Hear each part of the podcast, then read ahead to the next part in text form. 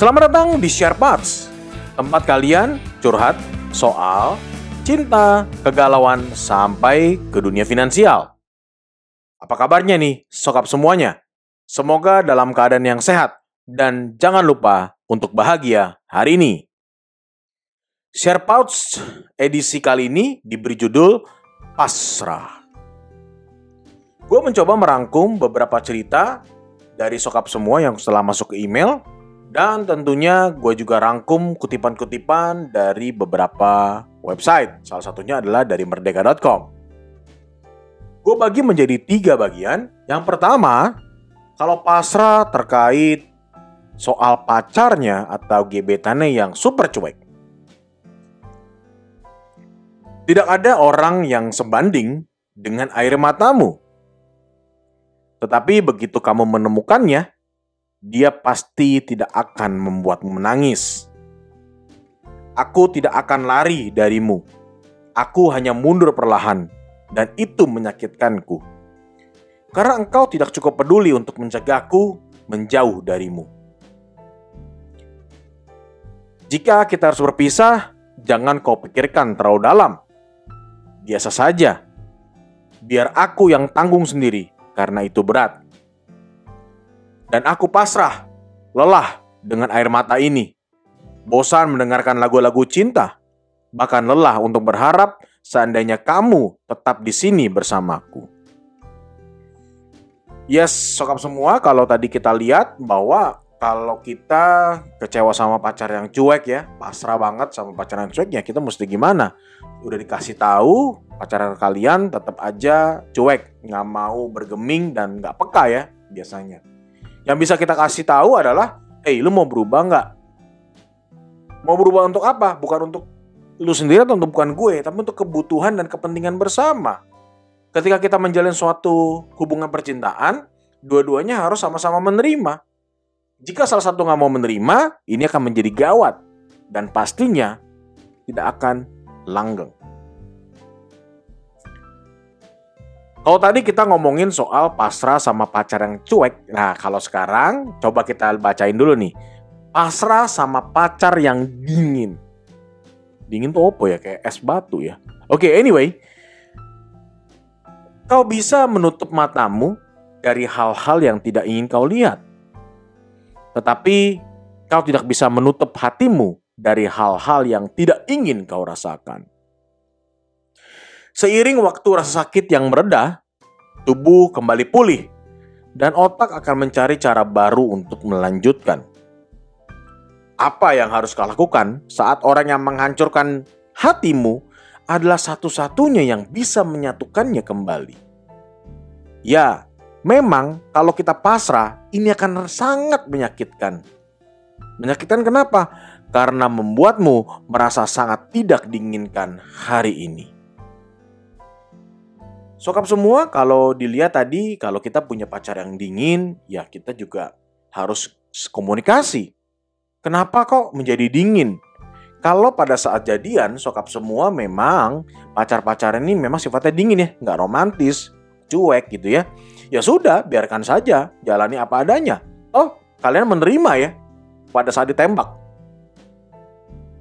beda hal ketika pada saat pendekatan kemudian ditembak doi berubah dari yang tadinya romantis care banget tiba-tiba menjadi dingin sama seperti pacar yang cuek tadi kita harus ngomongin apakah mau dingin selama ini nih nggak mau nggak mau saling berkomunikasi kalau begitu ngapain mau pacaran lebih baik kita pasrah, kita mundur. Kalau pasrah saja nggak cukup, artinya kita ya udahlah ya, doi mau ngapain pun kita terima.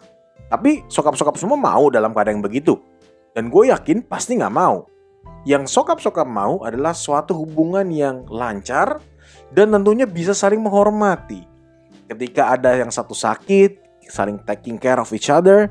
Ketika ada yang bahagia, saling menyemangati dan saling memberikan selamat satu sama lain. Yang terakhir, gue mau bahas soal pasrah dengan pacar atau gebetan yang selingkuh. Aku mungkin beranggapan bahwa aku adalah orang yang sabar. Aku mungkin mau memberikan kesempatan yang kedua. Tapi sayangnya, aku juga memiliki batas kemampuan dan kesabaran. Aku telah mencoba, namun sayangnya kamu tidak.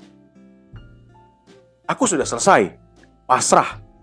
Monggo kalau mau bersenang-senang. Aku bukannya kabur darimu. Aku mau menjauh perlahan. Dan itu benar, seakan-akan menusukku dan ingin membunuhku sendiri.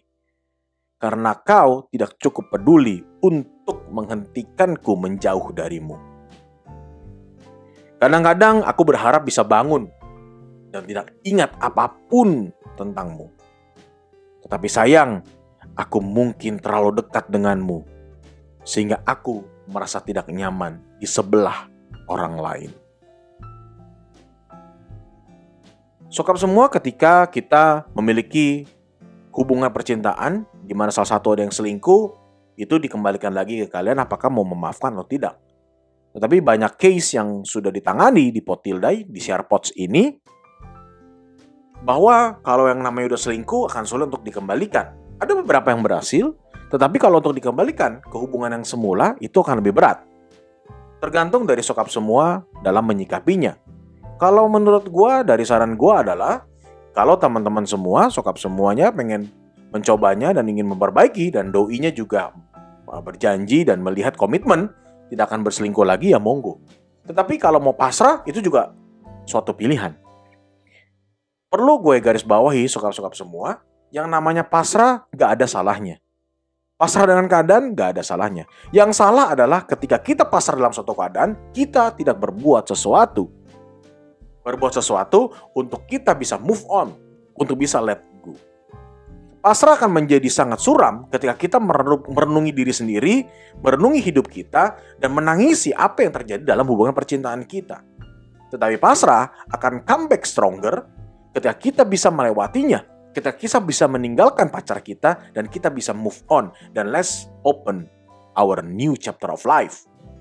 Karena sokap-sokap semua harus yakin bahwa pasangan yang dijalani sekarang yang tidak berhasil itu bukan satu-satunya dan akan terus gagal. Namun, di suatu saat nanti yakinlah bahwa cinta yang akan dijalani ke depan pasti suatu saat akan berhasil. Itu aja dari gue sokap semuanya. Semoga bagi pasangan yang lagi galau, yang lagi pasrah, bisa lebih semangat dan tentunya bisa menentukan sikap. Apakah mau maju, mau move on, ataupun tetap pasrah dalam cinta. Sebelum gue undur diri, gue mau ngucapin terima kasih atas semua saran dan juga sharing sokap-sokap semua yang telah masuk. Nanti kita bacain lagi minggu depan. Kita ketemu lagi di edisi berikutnya dan tetap menggaungkan podcast-podcast Indonesia. Bye!